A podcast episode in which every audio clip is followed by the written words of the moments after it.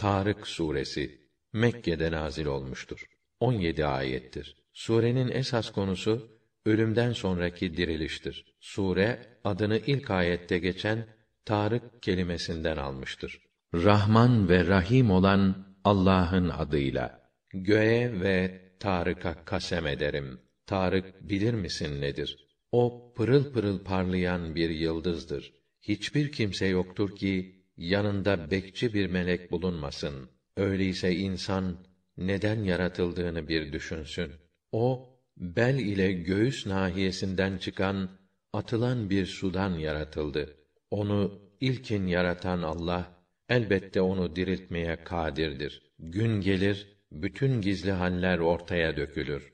O gün insanın ne bir kudreti ne de bir yardımcısı kalır. Yağmur dolu gök, bitkilerin çıkması için yarılan yer hakkı için bu Kur'an kesin bir sözdür. Hakla batılı ayırt eden bir sözdür. O bir şaka değildir.